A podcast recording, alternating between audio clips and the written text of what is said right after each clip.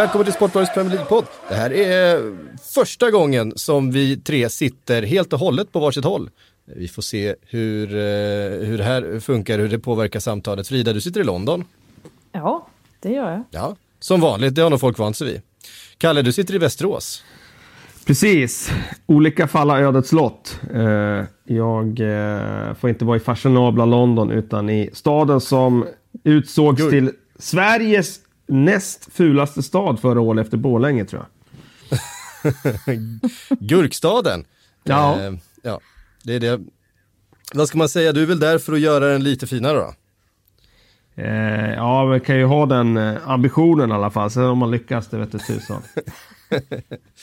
Tänk så stora delar av världen vi, vi täcker in nu på något sätt. Ja, det får man ändå säga. Stockholm, London och Västerås. Det, är liksom, det kan inte Ja. bli bättre. Eller ja. Nej, det är fantastiskt. Kanske. kan, kanske. Eh, kära Manchester United-fans, vi kommer till FA-cupen. Vi kommer till FA-cupen. Lugn och fin. Men vi ska börja med Premier League, för det här är Premier League-podden och det har spelats en full omgång sen vi spelade in eh, senast. Eh, så tyvärr får ni stå ut med lite Burnley-snack innan vi kommer till 6-0 mot Tranmere. För vad det är värt. Men vi ska börja på Stamford Bridge. Frida, du var där. Eh, Chelsea 2, Arsenal 2. Vilken jävla berg och dalbana till match.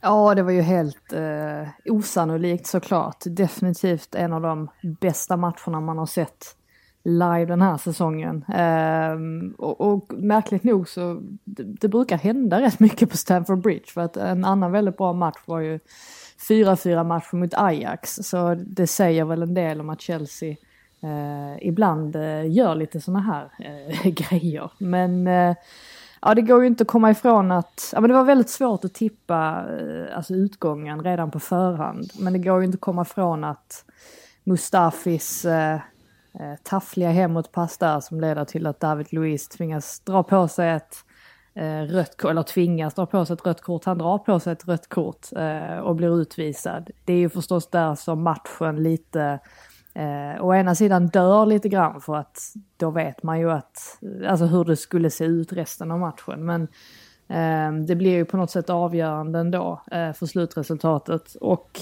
eh, för mig att, att Arsenal får med sig en poäng därifrån, det, det tror jag eh, eh ingen hade kunnat tro på förhand. Eh, efter, precis efter utvisningen. Eh, två skott på mål två mål. Eh, det, där kan man snacka effektivitet. Men de gör ju också en riktig, som Arteta pekar ut där efteråt, att de gör en riktig kämparinsats i den andra halvleken, Arsenal, och försvarar sig väldigt väl. Och Mustafi som var katastrofal där under de första 20-25 minuterna, han, eh, han repade sig. Ehm, och det säger väl en del om att han han är väl bäst lämpad egentligen för att försvara på det, det gamla hederliga sättet sådär, lite lägre. Eh, snarare än att försöka spela någon sorts kortpassningsfotboll. Arteta var ju fullständigt vild de första 25 minuterna fram tills utvisningen egentligen. Det var han helt...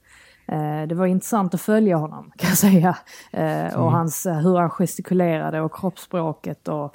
ehm, och han var framförallt oerhört vansinnig på Mustafi, eh, vad det verkade. Eh, och tyckte väl inte att Mustafi valde rätt passningsalternativ. Det påminner ju väldigt mycket om hur Guardiola brukar agera längs sidlinjen. Sen lugnade Arteta ner sig efter utvisningen och det var ju för att matchen eh, blev helt eh, annorlunda. Eh, men eh, en annan grej också som man snappade upp var ju det här med där eh, Rob Holding är på väg att komma in strax efter utvisningen. Men Arteta erkänner efteråt att han faktiskt ångrade sig för att han ville inte plocka av Martinelli eh, från planen för att det var tanken då att han skulle komma in istället för, eh, för Holding då. Eh, och det var ju bra med tanke på att Martinelli verkligen klev fram där och står ju för ett jättefint solomål. Så att, ja, det, var ju, det var ju blandade känslor minst sagt men eh, i slutändan så, så får man väl ändå se det som att Arsenal gjorde vad de kunde och de fick ändå med sig mer än vad eh, de nog hade tänkt när Louis blev utvisad. Ja, alltså det var fast ju lite en människa på jorden som trodde att Arsenal skulle få med sig någonting när de tar ett, ett rött kort så tidigt och, och så straff eh, och 1-0 till Chelsea, det, det, där var man ju helt övertygad om att det var rökt. Det var ju bara fråga om hur mycket Chelsea skulle vinna med. Eh, men det var som att de blev bättre med tio man. Det brukade man ju säga eh, förr i tiden, ehm, du som kommer ihåg förr i tiden Kalle, eh, det var ju en sån här gammal sanning att ibland är det lättare att spela med tio man än med elva. Ja. Så, så, så, så, säger man ju inte längre, för det är ju, det är ju inte sant eh, att det är lättare att spela med tio man än elva. Ehm, om så liksom så styrd som fotbollen är idag, så tydliga alla roller har och, och, så mycket som åker ut genom fönstret när man får en utvisad. Det gör ju på något sätt den här, det här krysset för Arsenal extra, eh, extra stort eh, i min bok. Det ska ju inte gå att hända. Men säger, ja, men tror... säger du inte mer om Chelsea eller? ja, det, det kanske ju... det gör i och för sig.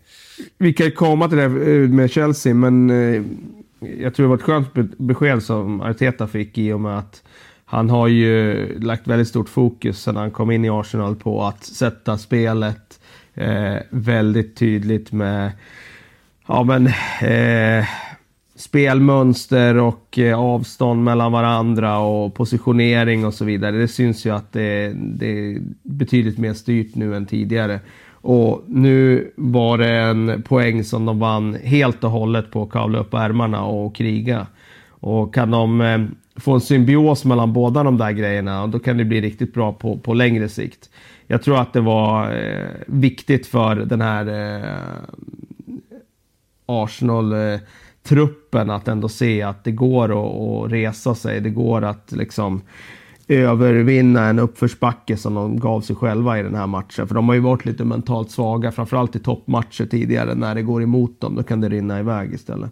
Så att eh, jag tror att det var ett eh, eh styrkebesked som Arsenal-spelarna själva behövde ha. Sen håller jag med Frida, jag tycker att det säger en hel del om Chelsea också. Eh, ett eh, stabilt, tryggt topplag. De eh, städar i undan den där matchen, åker ifrån med 2-0, 3-0 och sen eh, kan man spela av sista halvtimmen på, på ett lugnt sätt. Eh, det säger väl någonting om att Chelsea-bygget har väldigt mycket kvar att göra innan de eh, och det, det, var, det, är väl inte överraskande på något sätt. Alltså, som, som jag sagt tidigare så topp fyra för Chelsea eh, tycker jag är överträffar förväntningarna det här året. Eh, men eh, ibland har man ju fått för sig när det har sett som allra bäst ut för Chelsea där under hösten att, att de skulle vara längre fram på sin kurva än, än så. Men eh, jag tycker nog att det, det, är en del att jobba på där. Mm. Frida, Kepa har fått en del kritik. Eh, Beirins skott, borde han ha tagit den? Det var inte stenhårt, men det var väldigt välplacerat.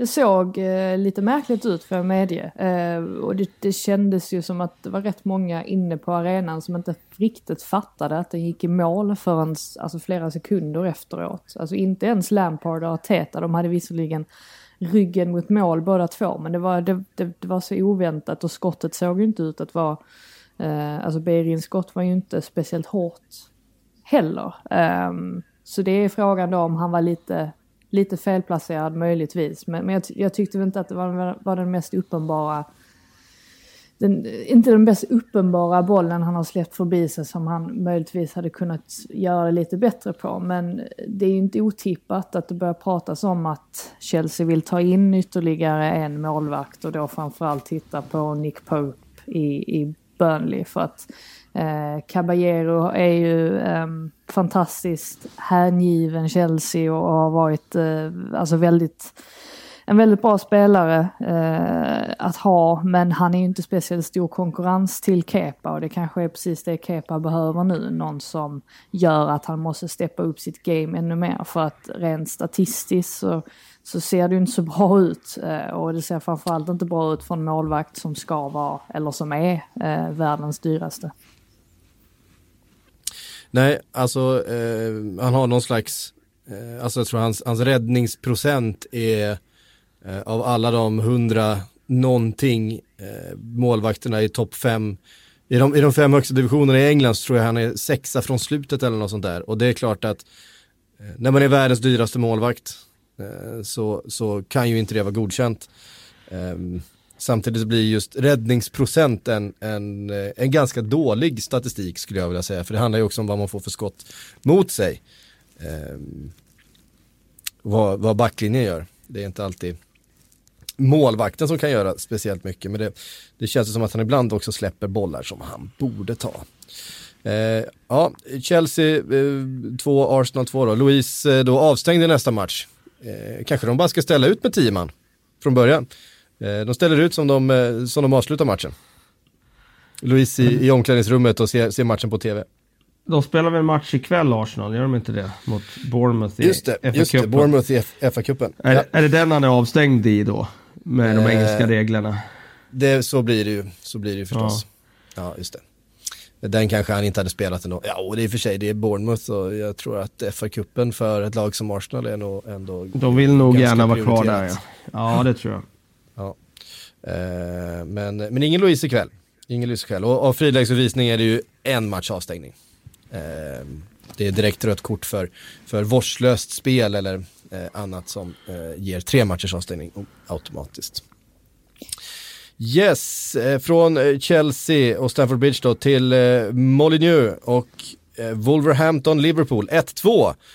Eh, även om Liverpool igen då tog alla tre poängen, de har en, en otrolig förmåga att eh, få med sig alla poäng för matchen, så var det ju eh, Adama Traoré show eh, under stora delar av den här matchen och det var det var honom mycket av eftersnacket, även under Jürgen Klopps presskonferens, eh, som det handlade om. Han har han, han, har verkligen, han har verkligen eh, spelat eh, till sig en, en, en, riktigt speciell status i, i England, Traoré. Och han var ju helt omöjlig i stort sett i den här matchen. Ja, alltså vi har ju pratat om honom rätt mycket i den här podden. Eh, du började ju hypa honom och då var han ju fortfarande lite av en ja, en fri fågel om vi säger så. eh, men det fanns ju eh, uppenbarligen någonting speciellt där som gick att bygga vidare på. För nu har han ju fått ihop flera olika egenskaper. Och eh, när han dessutom har förfinat den där fysiken till att bli ett, eh, ett monster egentligen. Som inte går att varken stoppa rent eh, fartmässigt men inte rent eh, liksom fysiskt och tyngdmässigt heller. Han, han är ju som en ångvält när han kommer. Plus att han faktiskt har skaffat sig lite bättre bollkontroll och beslutsfattande. Så att eh, jag tror att eh, Klopp har börjat flörtat nu för att eh, ja, lägga grunden för ett bud här i sommar. Eh, det känns som en sån där spelare som eh, Liverpool hade ju gärna lagt beslag på honom. Trots att de har så mycket eh, kvalitet där framme så hade ju det varit en en utmärkt förändra matchen-spelare för dem. Då hade de ju verkligen fått in en till dimension mot låga försvar. Ja. Så att eh, jag, jag, tror att det är lite, han börjar flörta där lite Klopp nu. Ja, han pratade ju en del om, om Traoré, att han var ju eh, unplayable, som de brukar säga i England. Och det var han ju verkligen i den här matchen. Jag vet inte hur många gånger han, han rundade eh, stackars eh, eh, Robertson på, på vänsterkanten där. Det var så här, otrolig statistik, jag tror det är 27 spelare som har dragit på sig gula kort mot, Adra, mot Traoré i, alltså under den här säsongen. Ja, det är eh, eh, Det säger ju någonting om att spelarna inte är vana vid vid den här fysiken och accelerationen. Alltså de, de läser det fel och kommer fel in i, i tacklingar på honom för att han är lite snabbare än vad, vad de är vana vid. Jag tror jag också säger någonting om att han, han är så bra en mot den så att han kan skaffa sig det där läget där eh, det blir ett öppet läge där försvararen måste ta ett gult kort för att eh, han känner att tar jag inte det gula kortet nu då är det målchans. Ja. Och det är inte så många spelare som kan göra det från låsta lägen. Eh, det är ytterst få. Mm. Och att han är snabb och att han är bra på att dribbla, det visste vi ju sedan tidigare. Det har han ju alltid varit. Men just den här balansen han har skaffat sig, alltså vi såg både, både Henderson och Fabinho liksom verkligen försöka riva ner honom. Försöka ta ett taktiskt, ett taktiskt gult kort. Och det är två spelare som vet hur man, hur man tacklas på en fotbollsplan. Men de bara studsar på honom. Ja. Alltså, de, de, alltså de fick ju inte omkull honom, de, de bara, alltså, som sagt, de bara studsar mot honom. Eh, det är sådär som man kunde se Rondon när han var i mest form att liksom försvarare som inte bara kom åt honom. Men jag menar, han är ju som en blandning mellan Michael Owen och Rondon eh, ja. på ett sätt, vilket gör honom en, eh, Ja, fast, fast, fast ännu bättre. På något Ja, sätt. alltså han är ju, jag tycker han är mycket stark, svårare att flytta på än vad Rondon var. Och då var ändå Rondon stark som en oxe. Men det här är ju, det är ju som en stridsvagn. Ja. Ehm, men ehm, ja, de, de gjorde det ju bra, Wolves. Men, Ja. eh, men eh, ändå inte tillräckligt för att rubba Liverpool. Vilket Nej. säger någonting om Liverpool.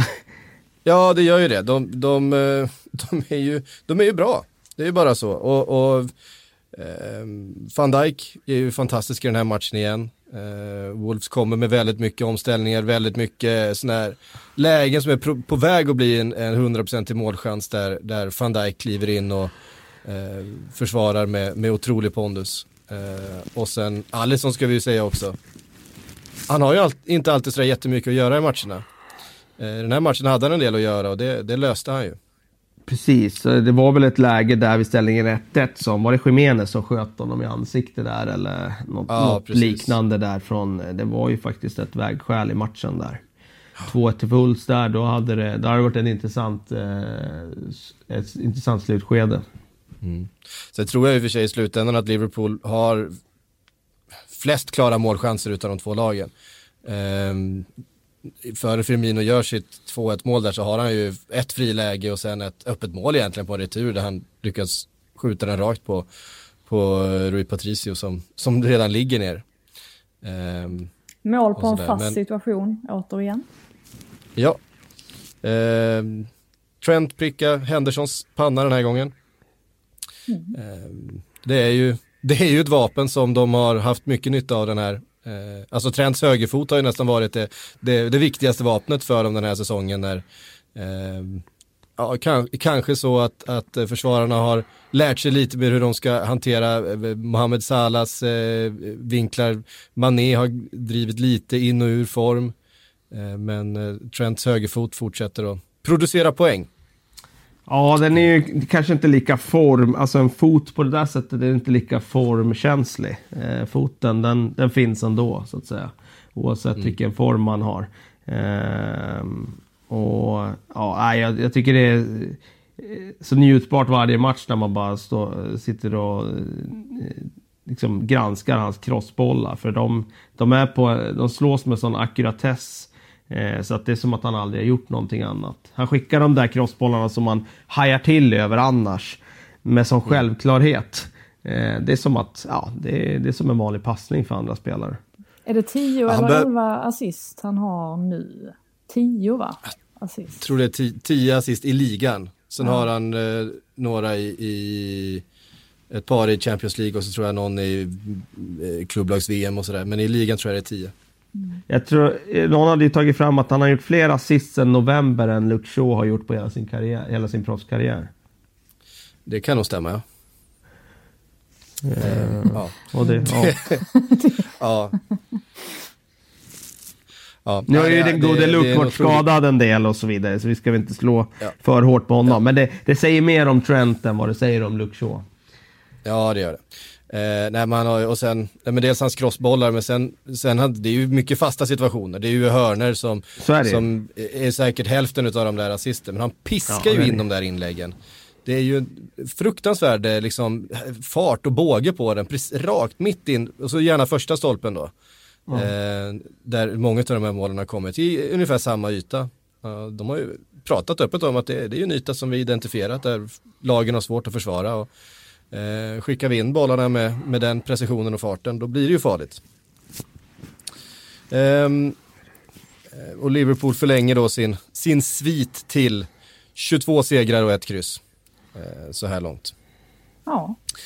Vidare till eh, Everton Newcastle och tidernas rån. Det här, måste vara det, det här måste vara det största rånet jag har sett på en poäng, jag vet inte på hur länge. Everton hade ju spelat färdigt. Det var ju, de hade varit det bättre laget i 94 minuter.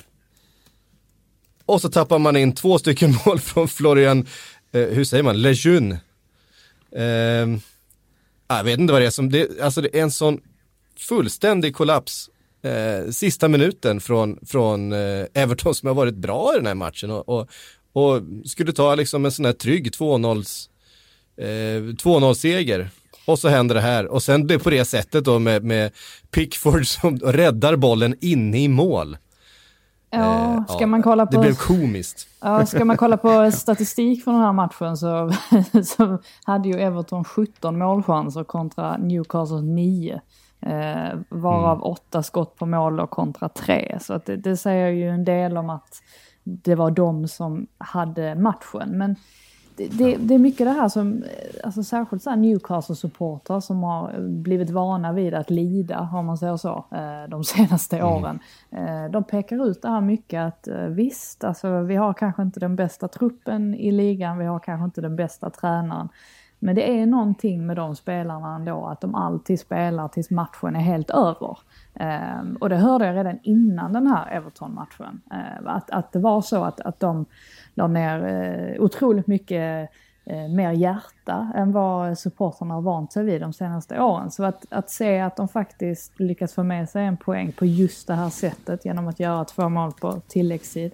Det bekräftar ju bara den tesen. Och det är ju kanske det är ju faktiskt någonting som rätt många klubbar i Premier League hade behövt. Man kanske behöver en liten Steve Bruce som lyckas pumpa ut det mesta ur dem. För att uppenbarligen gör han ju, eh, alltså han må inte vara det, det, största taktiska geniet, men uppenbarligen gör han ju någonting rätt ändå som, som lyckas få, få ut så här mycket av, av truppen han har att jobba med.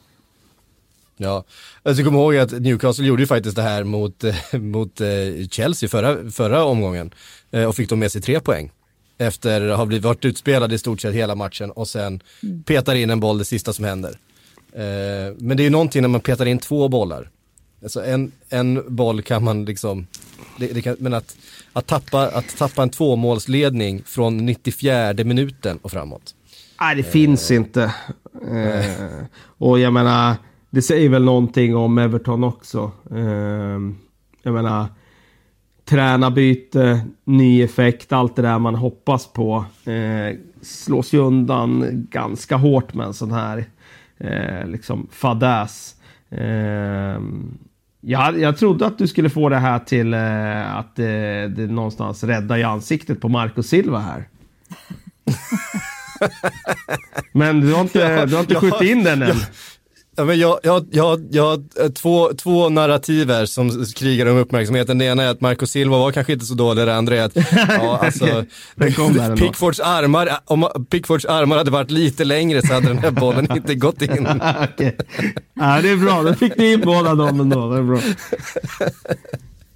ja, nej, det, det, jag tror att det, det, finns, det finns stunder då, då, då Pickford inte eh, räcker till. I det här läget så tycker jag faktiskt inte att han ska hängas. Eh, han gör allt han kan för att komma på fötter igen efter en otroligt stökig situation och, och hamnar helt enkelt in i målet. Eh, Emil Kraft. Däremot så har ju växt en... Vad sa du? Emil Kraft vill komma in i 62 minuten. Får man också eh, peka ut. Han, har inte, han fick ju starta någon, nej, man fick ju starta någon match här nyligen, fick han inte det? Jo, alltså han, han, han var ju... Um, han, ja, precis. Han, han, fick 30 minuter mot, mot Everton och sen så spelade han 70 minuter mot Chelsea. Ja, precis. Men dessförinnan så har han ju faktiskt inte fått spela sådär jättemycket förutom mot Leicester i den 0-3 förlusten. Eh, men annars har det ju funnits andra spelare före. Men det, är ju, det är ju, båda ju gott att de hämtar upp eh, underläge och sådär när han är på planen så får han kanske lite fler chanser förhoppningsvis. Mm. Um, yes, vi... Uh, uh, och det är på, på väg att bli nya ägare där också i Newcastle, ja, såg jag. Äntligen. Det är ju en ganska stor grej Igen. där. Det, det har ju varit snack om det 178 gånger de senaste åren. Men det känns väl ändå som att det är mer eh, substans i det här nu än vad det var tidigare att det verkligen är allvar med att eh, de ska komma in och mm, liksom faktiskt få loss klubben från Ashley. Ja, det, ja, det verkar alltså, vi, som det. Vi får de, väl se. Ja. Mm, men de senaste, precis, men det, det, det, pratas på ett sätt nu som att, eh, nej, men som att det, det verkligen kommer ske. Och frågan är om om eh, Mike Ashley, om han inte var ganska smart ändå. För man tänker tillbaka för två säsonger sedan, det var väl då hon, Amanda Stevely, när hon var eh, inblandad och skulle liksom medla i någon sorts, eh, något sorts övertagande. Det, det, känns ju spontant som att Newcastle sitter i en lite bättre position nu kanske kontra för två år sedan? Eller är jag kanske, jag kanske bara inte minns tillbaka tillräckligt långt för att då var ju ändå Rafa Benitez där så att tanken är kanske att de satt i en bättre position då. Eh, men jag vet inte. Han kanske inte tjänar några pengar alls på att han, han väntade två ytterligare år. Men vi får väl se om det händer nu i alla fall. Men eh, vad jag förstår så planen om de tar över här nu då, det är ju att investera på liknande sätt som Manchester Citys ägare har gjort. Det vill säga både i att skaffa en bättre spelartrupp men även investera i, i eh, infrastruktur i stan där. Och det känns väl intressant för en klubb som, som Newcastle där har varit så underfinansierat under så många år. Yes, nej alltså jag vet inte, jag har slutat tro. Det är dessutom så här, det, det, det är lite för deppigt tycker jag också att det är saudisk prins ska gå in och köpa Newcastle. Jag tycker det är för deppigt.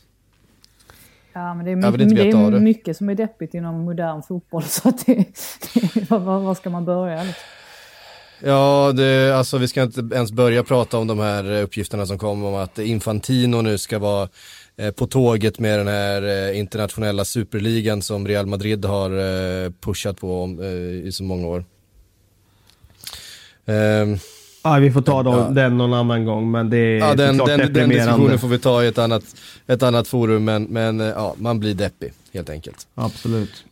Um, Newcastle som uh, nu då ligger, nu ska vi se, får jag kolla här så jag inte säger fel, för det, det, det händer ju att jag gör. Uh, Newcastle ligger alltså 14 plats. Uh, 14 plats och bara fyra poäng upp till Manchester United på femte plats. Ja, de har en jäkligt stark trend också med 1-1 borta mot Wolves. Det är ett väldigt bra resultat. Seger mm. Chelsea 1-0 och nu 2-2 borta mot, eh, mot Everton. De är inne i en jäkla bra fas nu när ligan går in i det där avgörande skedet där det är mycket matcher och det ska avgöras. Eh, mm. Om man blir indraget neråt eller om man kan andas ut under våren. Ja. 10 poäng upp till Champions League-plats med, med 14 eh, omgångar kvar. Det hade de tagit på förhand. Ja, skojar du eller? Fan, det var ju många egna supportrar som tippade dem sist i ligan i år. Ja, jag tippade dem också sist tror jag. Uh, Steve Bruce var ju inte ett populärt val, uh, så kan vi väl säga. Um, från Everton till Old Trafford, Manchester United, Burnley 0-2. Eh, på tal om eh, deppigt eh, innan. Eh, det här var en deppig tillställning eh, för alla Manchester United-supportrar eh, och eh, ja, de flesta som såg matchen tror jag. Eh, det var Jay Rodriguez mål, lös upp tillvaron lite grann men eh, annars var det ingen, ingen vidare fotbollsunderhållning från, från Old Trafford den här gången. Var, alltså det, det, nu måste han väl ändå hänga löst, eller? Ja, han borde ha hängt löst för länge sedan. Eh, men eh, som jag har sagt förut så jag tror det är för mycket prestige i det här. Ed Woodward har gjort så många misstag under sin tid som VD. Och sen gör han ytterligare, vi, vi kan ju bara ta misstaget att förlänga José Mourinhos kontrakt. Eh, det, där och då framstod ju det som ett av de absolut mest korkade besluten i Premier League-historien. För att det var precis då när laget hade börjat dippa.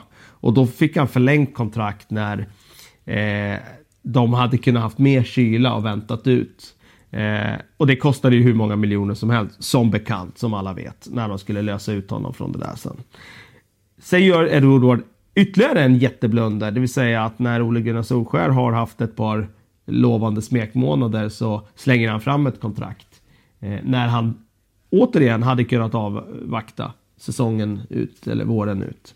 Eh, han är såklart inte ensam om det här. Eh, det finns ju såklart en ägarfamilj som säkert har ett stort och viktigt ord med i bilden här. Men han är trots allt VD. Det är han som styr över organisationen i den dagliga driften. Om han, om han hade haft lite sans och balans så hade han förstått att okej, okay, den här klubben kanske inte ska göra ett, ytterligare en, en, eh, ett snedsteg när det handlar om tränarrekryteringar. För det är de ju i princip världsmästare i toppfotbollen de senaste åren.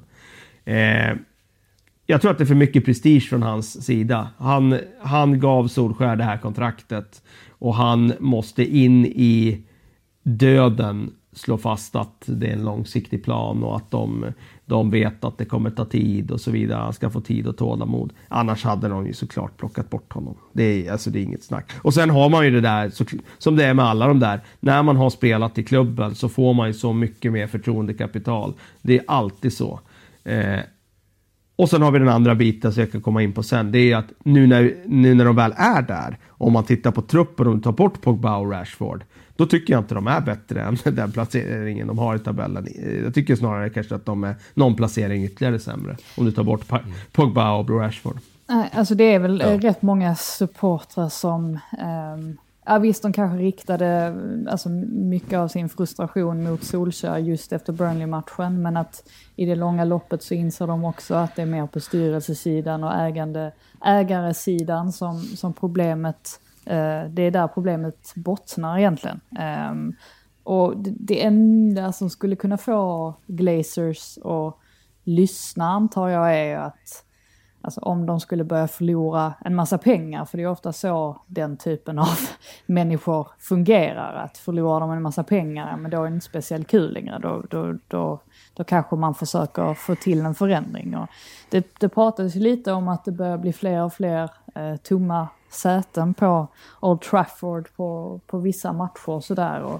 Det är väl lätt, det är ju ett, någonting som händer. Eh, när man börjar spela sämre. Alltså varför, varför ska supportrar gå dit och, och supportra en klubb som, eh, nej men som ser ut som den gör när, när det finns så mycket potential för dem att kunna vara med där uppe. Eh, så att, eh, nej, vi får, vi får, väl se vad som händer men såklart att Solskjaer, jag, jag tycker inte, jag, jag, tror inte att Solskjaer har vad som krävs alltså för att få Manchester United tillbaka eh, i toppen på allvar. Eh, men det är ju samtidigt inte han som är det absolut största problemet. Så att även om Pochettino, som jag jättegärna hade velat ta tillbaka till Premier League, även om han skulle komma in och det sägs ju att han att det har börjat snackas lite och att han i så fall har som krav att han ska få sköta hela värvningsprocessen eh, helt på egen hand, alltså utan Woodwards inblandning.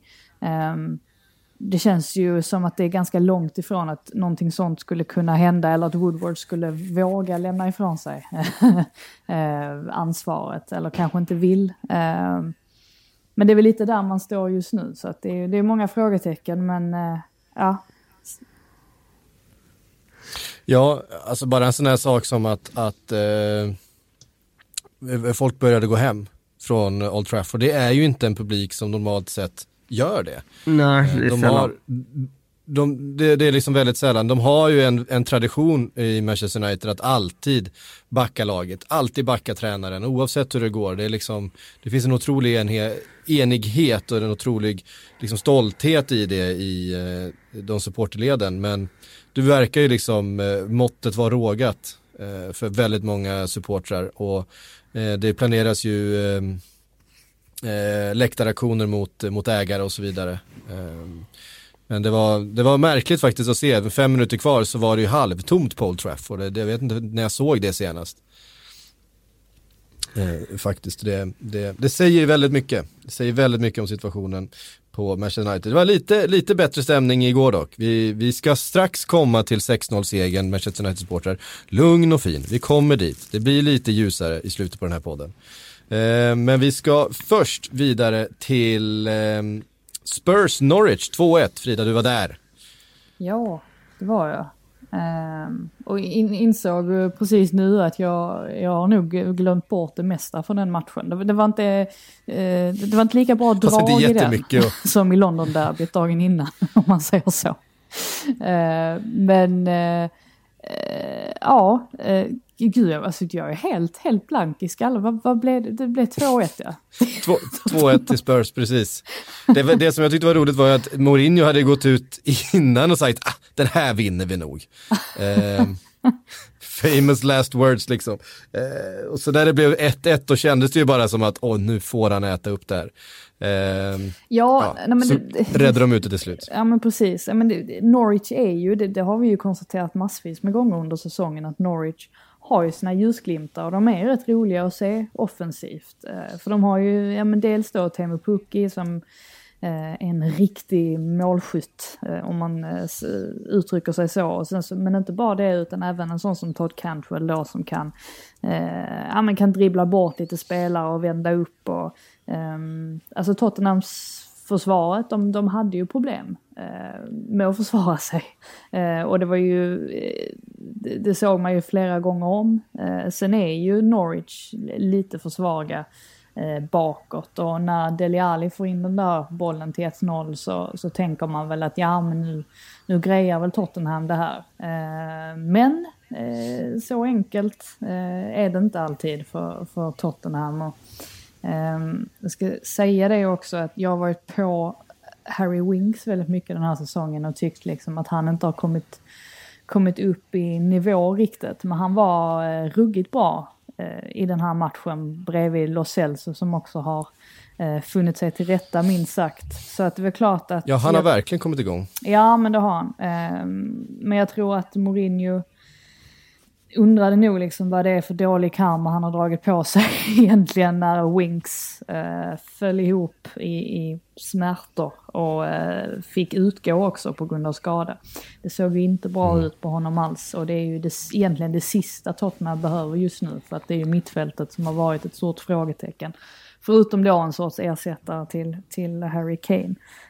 Um, så att det där målet på slutet, det, det var inte det vackraste målet Son har gjort. Eh, men det var ju precis Nej. det Mourinho behövde för att smekmånaden är ju slut nu för honom. Alltså den varade inte speciellt länge. Ehm, men, men nu har det ju liksom dykt upp eh, frågetecken på frågetecken och inte minst efter de här uppgifterna att han skulle ha tappat omklädningsrummet och, och så. Det var inga jättetillförlitliga källor men man vet också att ingen rök utan eld oftast. Så att, eh, ja. Vad var det för källor på det? Alltså var kom ursprungsuppgifterna ifrån? Var det de allra snacks, snaskigaste tidningarna eller? Ja men alltså jag, eh, jag uppfattade det så. Sen skriver ju alla om det så att man blir ju liksom förvirrad Eh, men så länge det liksom inte lyfts upp på typ en sån sajt som The Athletic eller The Guardian, alltså då brukar inte, jag brukar inte eh, bry mig om det så här jättemycket. För man tänker att det kan säkert ligga någonting i det. Eh, men att det oftast liksom är, är, ganska överdrivet. Så som jag uppfattade det så var det alltså Daily Mail eller eh, någon sån. Eh, eller Mirror kanske det till och med var. Eh, som hade skrivit om okay. det. Jag såg inte den här matchen, men jag är lite nyfiken på för när José Mourinho eh, ledde Tottenham i sin första match var det ju väldigt tydligt att han var väldigt offensiv i sitt tänk med hur han positionerar spelare och så. Vad, hur ser det ut nu? Normally being a little extra can be a bit much, but when it comes to healthcare, it pays to be extra.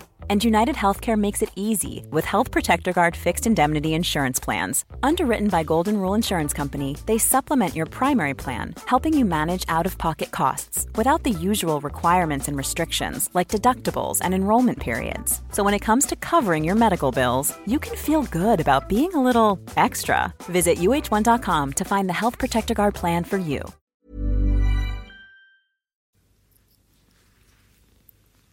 Nej, men alltså Eh, alltså som sagt, jag, eh, måste nästan ta upp och eh, titta liksom hur... Eh, för det, det, var verkligen en sån match, jag, jag, förstår ingenting. Alltså det är som att den har försvunnit ur, uh, ur minnet uh, överhuvudtaget. så otroligt märkligt. Ja men nu, han körde ju en 4-2-3-1 i alla fall. Med Lukas längst fram då som någon sorts uh, Harry Kane-ersättare, hur man nu kan ja, det är ganska svårt att, att, att ersätta honom. Men, eh, och sen så då Cessignon på högerbacken. Och Cessignon hade ju ingen bra match eh, överhuvudtaget. Och det är också han som orsakar straffen där eh, i eh, andra halvlek. Eh, och så Wings och Lo Celso då som eh, fungerar eh, förvånansvärt bra ändå får man säga. Alltså det, det tror jag, alltså så, förutsatt nu att Wings inte är illa Eh, skadad så, så tror jag att det är så Mourinho kommer balansera mittfältet hädanefter för att eh, de, komplet de kompletterar varandra rätt så bra. Då blir, det blir ju ganska offensivt eh, lutat också eh, på något sätt när de är bredvid varandra. Eh, och som sagt, Winks, han la ner ett riktigt grovjobb också rakt igenom. Jag har inte riktigt sett honom göra det på det sättet eh, tidigare. Så att, men hans största problem fortfarande, Moinius, det är ju det här med en, en renodlad målskytt. Eh, nu blir det ju lite att Son och Ali och ja, det var Lamela som spelade den här eller startade den här matchen och, och Lukas att de roterar lite grann och, och så. Men, men det märks liksom att det, det saknas någon längst fram. Eh, och de letar väl febrilt också efter att få in någon innan transferfönstret stänger. Så att eh, vi får se hur de, hur de löser det. Mm. Eh, Gedson fick sin eh, debut också va? Ja, Eller var det i FA-cupen nu? Ja, nej, men han, han spelade väl mot, eh, mot Norwich. Ja, han kom väl, eh, han kom väl in där i slutet, ja med en kvart kvar tror jag. Eh, mm. Och såg, eh, såg spännande ut. Ehm, så att eh, förhoppningsvis för Tottenhams del så kan det där eh, bära någon frukt, för man vet ju hur det är med januari värvningar överlag. Det är, inte, det är inte många gånger ändå som man sitter efteråt och tänker att gud vad, det där var en bra värvning. Alltså det, det händer ju ganska det händer ju ganska sällan. Så att eh, man ska ha lite flyt också när man plockar in spelare. Sådär. Mm. Mm. Onekligen. Uh, vi, jag tänker vi river av Leicester West Ham också då. 4-1 till Leicester eh, som studsar tillbaks lite grann efter en tid med, med svagare form och lite svagare resultat då. Eh, och eh, vi har ju pratat väldigt mycket Madison, vi har pratat väldigt mycket Vardy såklart eh, den här säsongen. Nu var det Harvey Barnes och Pereira som visade vägen och det är väl två spelare som, som har varit väldigt bra under säsongen. Eh, tycker jag, men som kanske inte har fått då, samma, samma hås och hype som Madison och Vardy. Men eh, Eh, vi pratade om eh, Trent innan, eh, såklart eh, om dem som den bästa högerbacken i, i, i, ligan och så vidare. Men han får ju faktiskt viss konkurrens av Pereira som gör en otrolig säsong. Eh, och är, är, väldigt, väldigt bra. Eh, spelar fram då först till Harvey Barnes första mål och sen eh, själv gör det andra. Eh, framspelad av samma Harvey Barnes, de, de, han bjöd tillbaka helt enkelt. Eh, avslutades med två mål av Jose Perez som också har varit väldigt bra den här säsongen. Eh, sen han eh, har fått lite mer speltid. Men eh, Harvey Barnes, eh, det är en, en, spelare att hålla koll på, eh, eh, minst sagt. Eh, säga någonting om West Ham också då som ju verkligen famlar. Eh, det, det är eh, ah, det ser inget bra ut för West Ham helt enkelt. Mm. Det, det, David Moyes, jag undrar, jag undrar jag, ifall det du gör det? Det, det, kan ju inte vara, det kan ju inte vara rätt beslut att ta in eh, David Moyes. Men är det, var, nej det är väl klart, eller? ja, har någon sagt, har någon påstått nej, det? Nej, det är ingen som har sagt något annat. Nej. Du slår in öppna dörrar här helt enkelt. Ja, det, det var den öppnaste dörren eh, som jag slog in. Eh, helt klart. Nej, eh, West Ham ser sorgligt ut. Mm, alltså jag, eh, De, ja, alltså jag, jag, tyckte inte att eh, förlusten mot, mot Leicester var, var det värsta. Det värsta var väl trots allt att de åker ut mot West Bromwich som eh, gör nio förändringar i startelvan, inte har vunnit på 40 dagar i the Championship och har en man utvisad. Det är bra jobbat. Mm. Ja, det är faktiskt ja. bra jobbat. Mm. Ja. Nej, alltså det, jag, man är ju orolig för West, West Ham. Faktiskt. Ja, det är man verkligen. Jag tycker att det finns spelare bak underifrån nu som, som kommer med viss fart. Ehm, och, och West Ham kommer vara indragna i den där bottenstriden eh, under den här våren. Det, det, det tror jag verkligen. Bournemouth tog ju en jätteviktig seger senast eh, mot Brighton hemma där. Eh, och är det någonting man vet med dem så är de ganska duktiga på att hitta fynd. Eh, och jag räknar med att de kanske plockar in någon innan fönstret stänger. Och, eh, det kommer bli ett getingbo där nere. Och West Ham är väl det laget som har mest att förlora av alla lagen där nere. Med tanke mm. på vilken press de kommer ha på sig i varje match. Mm. Ja, Watford nu under strecket igen, men, men eh, jag tycker det känns som Watford eh, har betydligt ja, har, mer Ja, de har ju just nu. Ja, och de har inte mycket att förlora med tanke på att de var nästan uträknade. Det var väl så få ja, poäng precis. som de tog på hösten. Det var väl inget lag i Premier League som hade klarat sig kvar med så få poäng. Nej. I det läget, Nej. så sent. Nej. Så att jag tror Nej. de kommer ju hela våren här vara, allting är bonus i deras tänk. Liksom. De har gett sig själva chansen, ja, men det kommer ändå vara, det är, pressen är inte så stor på Nigel Pearson och, och spelarna där just nu. Ja, nej, det är, och West Ham, Bournemouth och Watford ligger då alla tre på 23 poäng just nu. Eh, det är bara målskillnad som, eh, som skiljer. Eh, Norwich är lite avhakade då med, med sina 17. Sen är det ju eh, Villa och Brighton på 25 poäng. Det är ju otroligt jämnt. Jag skulle inte bli förvånad ifall det är något av lagen ovanför också som kommer dras in, till exempel ett, eh, ett, eh, ett Burnley. Eh, även om de visserligen tog tre poäng på Old Trafford eh, för, eh, för en knapp vecka sen. Vi får ju säga där faktiskt att Brighton har ju tappat rätt mycket fart. Vi har ju berömt Graham, väldigt Graham Potter väldigt mycket i podden tidigare i höstas där. Men just nu så är de inne i en ganska tuff period, Brighton. Och eh, eh, det innebär ju inte att man ska ifrågasätta hans eh, liksom arbete på något sätt, utan eh, de har ju en, en trupp som ska ligga där nere. Så det är helt i linje med det. Eh, utan man ska snarare imponeras av det han har gjort spelmässigt med laget. Han fick ju en del, eh, alltså inte kritik så, men det var ju många som tyckte det var, det var ett märkligt drag när han gjorde det där trippelbytet mot Bournemouth. Just det. Eh, I 60 minuten. Eh, när de ligger under med, med 0-2 ska sägas då. Eh, och, så, och, så, byter han in då Trossard, March och Connolly eh, på en gång. Eh, och det blev ju ehm, inte mycket bättre. Alltså Moy gör visserligen mål där i 81 minuten men då har Callum Wilson redan gjort eh, 3-0 så att eh, där, där började folk eh, ifrågasätta eh, på ett sätt som jag inte har sett folk ifrågasätta Potter, alltså hittills. Ja. Han är ju väldigt, väldigt, väldigt mycket roteringar i lagen. Alltså det är inte så att han har en elva som, som som han köper. Utan det, han roterar friskt. Eh, och jag säger inte att det är fel på något sätt. Utan det, det finns säkert en anledning till att han gör det. Men eh, det är en sån där enkel angreppspunkt för många. Att eh, om det inte går bra, då kan man angripa att ja, men varför roterar du så mycket i laget? Mm. Mm. Precis. Yes, vi eh, kan väl bara nämna då också att eh, Sheffield United förlorade mot Manchester City med 0-1. City fick ändå slita en del för de tre poängen men, men eh, lyckades ro hem det. Det brukar man få göra borta eh, mot Sheffield United ska vi säga. Ja, man får ju göra det. det så är det bara.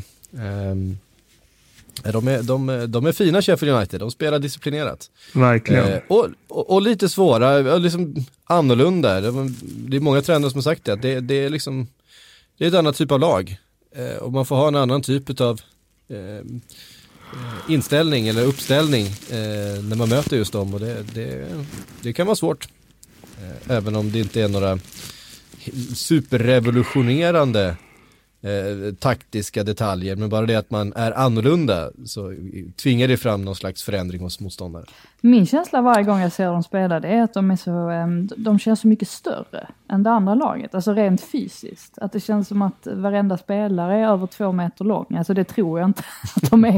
Eh, nu har jag inte gjort någon närmare eh, undersökning, men, men bara den känslan, eh, den, den säger ju någonting tror jag. Alltså det, det ja, de har väl bara... ingen liten spelare va? Nej, det kän... Nej jag, jag, jag tror inte det. Det intrycket får man i alla fall inte. Mm. Ja, eh, och en extremt högljudd eh, tränare. Eh, ja. Den mest, mest högljudda av allihop. FA-cupen då, fjärde rundan. Manchester United Tranmere 6-0. Phil Jones gjorde mål, det säger väl allt om den här matchen. Såg ni upp, eller, alltså upprinnelsen till Jones mål? Alltså det är en riktig sån här brottningsmatch i gyttjan när Maguire liksom faller och Nej men det var väldigt mycket ja, var... Phil Jones över det målet på något sätt, men det var en snygg nick. Var det ju. Ja, det var jättefin nick. Och den där, den där planen är ju eh, liksom under all värdighet. Eh, vi spelade dem på Tranmeres hemmaplan. Mm, eh, Ja, den, den är så fruktansvärd. Det har ju varit så eftersom eh, Liverpools damer spelar där. Eh, de har ju fått ställa in matcher. Därför att han inte gått att spela på. Uh, och, och, den är så, det, det blir sådana kontraster när man alltså ser eh, ett annat lag i stan med sådana ofantliga resurser. Och så liksom lagets tredje lag har en plan som, den håller ju inte, den håller inte superettan kvalitet Kalle. Kan du förstå? Ja, nu, nu, nu har det i och för sig varit ett konstgräsgate här i Västerås. Eh, apropå att vi har Sveriges absolut sämsta elitplan. Så just jämförelse med Västerås, den haltar lite grann. Men, eh, men en vanlig superettaplan så, så är den ju bättre än vad den är i Tranmere är. Absolut. Kan ju sägas också Ja. att Uniteds trupp laddade upp en sån här matchen genom att eh, gå på lyx, eh, lyxigt spa. Jag, jag tror inte att Trammer-spelarna eh, gjorde detsamma. Så att eh, det kanske bidrog en del till att eh, det gick så bra i den här matchen. För att det, det var ju rätt intressant för att eh, alltså resultatet är ju uppseendeväckande på så vis att det är ju en av Uniteds största segrar. Ehm, och senast de, de tog en sån här stor seger på bortaplan var mot Nottingham Forest 1999. Vann med 8-1 och gissa vem som gjorde fyra av målen då? Ole Gunnar Solskär hoppade Ja. in sista 12 minuterna och gjorde, hat, eller, gjorde hattrick på bara några minuter. Så petade han in ett fjärde på tilläggstid. Det är imponerande. Snyggt. Jag hörde, det var en annan sak. Eh, Jag tror att det var i The Guardians fotbollspodd där de ställde frågan, hade Ole haft det här jobbet om han inte hade gjort det där målet mot, mot Bayern München 99? Ja, det är en relevant fråga. Ja. Det är en otroligt relevant fråga, för det hade han förmodligen inte. Nej, det finns absolut skäl till att uh, han kanske inte hade haft kvar det i alla fall. alltså, han, han, han har ju jobbat, eh, det ska man inte glömma bort, han har ju jobbat under, eh, under A-laget i form av reservlagstränare där. Och jag har ju svårt att tro att han gjorde ett dåligt jobb där, för hade han gjort det, då hade han ju aldrig fått jobbet eh, senare. Så att det, det är klart att han, han måste ju ha visat någonting när han var reservlagstränare. Men jag håller med om att det är klart att han inte hade Förmodligen inte hade fått det och förmodligen hade han inte haft kvar det om han inte hade haft legendstatus i klubben. Precis. Eh, men i alla fall lite, ja, en, en liten ljusglimt i mörkret för Ja. Manchester United i alla fall. Att man Ja. kunde städa av den här matchen. Att det inte, att det inte blev någon slags eh, snöplig, konstig förlust mot ett svagt motstånd. Eh, som, eh, ja, man skulle kunna säga att typ West Ham åkte på, eller Liverpool för den delen, som ju inte blev förlust men kryss då mot, mot lilla Shrewsbury. Eh, Att man lyckades, lyckades vara det stora starka laget och städa av en, en, en svag motståndare med 6-0. Ja, McBride fick ju öppna kontot där eh, med ganska fint mål faktiskt. Och till och med Jesse Lingard fick ju slut på den där försmädliga måltorkan. Ja. ja, det är otroligt. Över ett år tog det för honom. Ja, ja. Ehm, ja Diego Dalot gjorde mål också. Och, ehm, Om målskyttarna är Harry Maguire, Jesse Lingard, Diego Dalot och Phil Jones, då säger det kanske något om motståndet också. kanske något. Eh, Manchester City städade av Fulham med 4-0. Shrewsbury-Liverpool 2-2. Eh, trots att Liverpool ställde upp med en hel del seniorspelade i den här matchen. Vi hade en Lovren och en Matip i mittförsvaret. Eh, vi hade Origi högst upp, en Minamino som ju Fabinho var med, va? startade då. Fabinho startade, var fullständigt urusel. Eh, han var nog sämst på plan. Oj, det var hårda ord. Ja, men det, det, det tycker jag han var. Ja. Tycker han var fullständigt bedrövlig. Eh, Ja, jag konstaterar bara, fullständigt urusel, då är man inte bra. nej. nej, men han, han eh, slog bort eh, jätteenkla bollar på ett sätt som han kom fel in i, i, i försvarsspelet och positionsspelet. Och, eh, han såg otroligt ringrostig ut. Det, jag tror inte, även om han är skadefri nu, så tror jag inte att han kommer starta mot, mot West Ham i, eh, i hängmatchen nu. Jag tror att det kommer vara Jordan Henderson fortfarande på den positionen. Att, Frågan är om det går att flytta på Henderson med tanke på hur bra han har varit senaste månaderna i den rollen. Eh, det kanske är så att det blir nötta filt för, eh, för eh, Fabinho här i vår. Ja, i alla fall om han fortsätter spela på det här sättet. Ehm, för jag tror i och för sig att Jürgen Klopp gärna vill ha både Fabinho och Henderson på planen. För det är spelare han, han gillar som, som täpper till. Ehm, jag tror att en sån som Oxlade Chamberlain kanske får flytta på sig när Fabinho kommer in på sin vanliga position och Henderson tar ett kliv upp. Men, eh, men eh, eh, ja, Liverpool som då hade 2-0 i den här matchen. Lite, och det var inte helt rättvist att de hade 2-0 överhuvudtaget. Eh, Shrewsbury skapade en hel del. Adrian var väldigt bra i målet, räddade ett friläge och så vidare. Ehm, Och och... Eh, Lovren och Matip eh, hade väl ingen, ingen höjdarmatch heller? Nej. Nej, Lovren bjuder ju på ett av målen där eh, fullständigt, missar bollen och, och det blir öppet mål. Eh, och det blir då ett sånt där omspel och det var det, jag tror att Jürgen Klopp hade hellre förlorat den här matchen. ja, jag tror en, faktiskt också det. Jag tror nästan ja, också för, det, en omspel. För för eh, det här omspelet eh, ingår inte i hans planer. Det, har han varit det var han tydlig med. Han kommer inte närvara vid det. Eh, ingen seniorspelare kommer närvara vid det för att då, just det datumet befinner sig Liverpool på en redan planerad, eh, planerad träningsläger. Eh, den veckan. Så ehm, eh, det är Eh, prioriterat högre än eh, returmötet mot Shrewsbury. Sen ska sägas att Liverpools U23-lag, det blir samma uppställning ungefär som mot Aston Villa i ligacupen. Eh, Vad blev det då? 5-0? Även om de spelar bra så blev det 5-0 eller något sånt? Så. Ja, mm. precis. Ja. Eh, nu är det visserligen mot eh, Shrewsbury på, på hemmaplan ja, då. Sant. Eh, så att det, jag, jag, jag tror inte att det är helt säkert att, att Liverpool förlorar den matchen, eh, visserligen. Men eh, eh, det är ganska stor skillnad på Shrewsbury och Aston Villa i, i, ja. om vi ska vara ärliga. Men, men seniorer mot juniorer har ju en tendens att, att eh, eh gå som det går. Eh, han var inte glad efteråt, eh, Jürgen Klopp. Nej, och jag, alltså jag har väl en teori om att eh, det här med eh, att han håller sig fast vid det här att nej, men vi ska ha vår, vårt winter break och det är Premier League som har bett oss att inte lägga några matcher under den här tiden och så vidare och så vidare.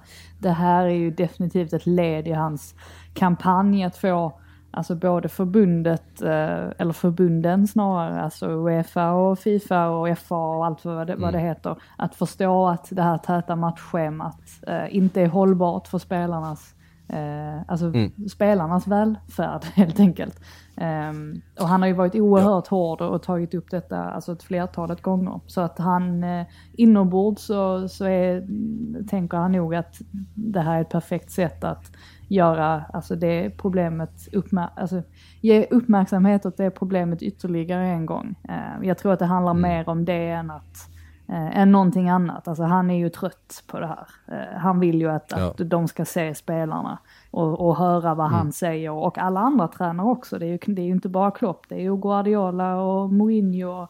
Alltså jag har inte hört en enda tränare vara för det här täta spelschemat. Uh, alltså nej. vilket de såklart inte skulle vara men, uh, men nej, det, det är ju nog dags att de börjar lyssna på dem i alla fall. Mm. Uh, Mourinho som då också får se sitt lag eh, tvingas till omspel då efter 1-1 mot Southampton. Um, Eh, ska man gå ihåg också då, även, även Newcastle kommer få spela, äh, spela en gång till då mot, äh, mot äh, Oxford. Alltså, eh, man ska komma ihåg då att det här omspelen då är ju i alla fall ett av få sätt som mindre klubbar kan få någon slags eh, trickle down effekt från alla de här pengarna och all den här uppmärksamheten som finns i toppen som så sällan sipprar ner i, i eh, alltså för ett lag som Shrewsbury är det ju helt magiskt att få det här, det här eh, omspelet, att få tv-pengar, man får åka till Anfield och så vidare. Jag läste eh. något fint där. Han tränaren Sam Ricketts berättade ju att de hade, nu, nu kommer de ha råd att köpa in ett scoutingprogram eh, till eh, klubben. Och, mm. eh, eller något videosystem, det kanske är det här Speedio där man, eh, Speedio där man filmar träningarna automatiskt eh, på träningsanläggningen. Kan vara det. Och de har råd att dränera planerna bättre. Ja. Säger ja, någonting det, om vilka olika alltså det... världar man lever i. Precis, så att vi visste att, att Klopp och Guardiola gnäller liksom, men man måste förstå vad det här faktiskt betyder för de mindre klubbarna. Att ha den här möjligheten, eh, att få tjäna de här pengarna, att få ta en liten, liten del av den kakan, för den lilla, lilla delen betyder så oerhört mycket för dem. Det, vi såg ju supportrarna bara efter 2-2 mot Liverpool, det blev ju planstormning, det var ju liksom, de slet tröjorna utav spelarna. Det var ju som att de hade vunnit VM-guld. Och det unnar man dem ju liksom. Det, alltså, jag blev ju glad av det. Så att jag är inte helt på, på Jürgen Klopps sida, men jag förstår att, att hans prioritering, men då får han väl ställa upp med U23-laget då? Jo, men det tror jag inte att då han... Då får väl det vara den uppoffringen, för jag kan, jag kan tycka att det är värt det om det blir någon slags fördelning av det. Jo men tror, tror du inte att det är det han, han menar också? Alltså att då får folk acceptera att det blir ungarna liksom som, som ställs ut. Alltså det, så ja. uppfattar jag det som att han, eh, men, men bara hans, hans A-lagsspelare kommer inte vara med. Men alltså att det är, eh, det är allt. Liksom. Mm. Ja, vi, eh, vi går vidare och tar lite frågor då innan vi knyter ihop den här eh, tillställningen för idag. Um, vi har fått uh, en massa Silly-frågor, vet ni vad? Det finns en annan podd för det. Det är nämligen Sillypodden. Det är eh, det sista veckan ju. På fredag är det deadline day. Det får ni inte missa. Eh, Anton Rundsvik vill ha en liten eh, prediction så här med 14 omgångar kvar. Vilka lag tar eh, 4 till 6 platserna? Det är rätt jämnt där. Eh, det känns ju som att eh, Liverpool City och Leicester tar 1, 2, 3. Sen är det ju då Chelsea på den där fjärde platsen just nu som har ändå 6 poäng ner till Manchester United på femte platsen. är de ju flera stycken lag då på, på samma poäng där, 34. Ehm, men ska man titta på, på form så känns det ändå som att Wolves har en ganska bra chans att eh, vara ett av lagen som hotar uppåt. Det är en sån säsong, så jag tror att Wolves kommer ta en av de där platserna. Jag bara känner det nu, att mm. eh, de kommer ta en av de där platserna. Inte topp fyra, men, men eh, en av dem bakom där. Jag tror att Arsenal kommer att repa sig. Jag tycker inte de har fått eh, alltså den poängutdelning som de förmodligen hade fått om det inte hade varit för röda kort och eh, uteblivna straffar och lite andra omständigheter. Så jag, jag, jag tror att de har möjlighet att, eh, att spotta upp sig ordentligt. Jag tror de är frustrerade mm. också efter att ha fått ganska mycket eh, alltså saker som har gått emot dem och sådär. Eh, så jag tror att det finns mycket kvar att ge. Liksom. Mm. Eh, Bear Hellstream eh, skriver United har varit väldigt overksamma på transfermarknaden hittills. Är det ett tecken på att Ole är på väg ut? Eh, kanske ett tecken på att han inte är tilltänkt för nästa säsong i alla fall. Jag tror det är ett tecken på att eh, alltså United har det mycket svårare på transfermarknaden nu för tiden. Eh, läste någonting nyligen om att anledningen till att den här Bruno Fernandes övergången aldrig blir av. Det är för att eh, alltså eh, Sporting begär eh, en, en, ganska hög summa för honom och eh, United inser ju att de, om de går Sporting till mötes den här gången så kommer de ha svårare att lösa spelare i sommar för att då kommer de klubbarna i fråga som de förhandlar med då också att pressa upp sina priser. Så att de sitter ju i en liten prekär sits. Eh, Cavani uppges ju ha velat gå till eh, Atletico eh, eller vill till Atletico eh, hellre än till United exempelvis. Så att de, eh, de är inte där att de kan plocka från den översta gräddhyllan längre. Eh, och det har generellt blivit svårare att lösa spelare, särskilt i januari. Det, det vittnar typ alla, alla klubbar om egentligen. Mm. Vad fint hörrni, det var allt som vi hann den här måndag morgonen. Eh, nu rusar vi till andra åtaganden. Tack Kalle för att du var med från Västerås, tack, tack Frida för att du var med från London och tack till mig själv som var kvar här i studion. Eh, det känns lite tomt här nu men, men det ska säkert gå bra. Eh, tack för att ni har lyssnat vart än ni befinner er. Eh, på återhörande.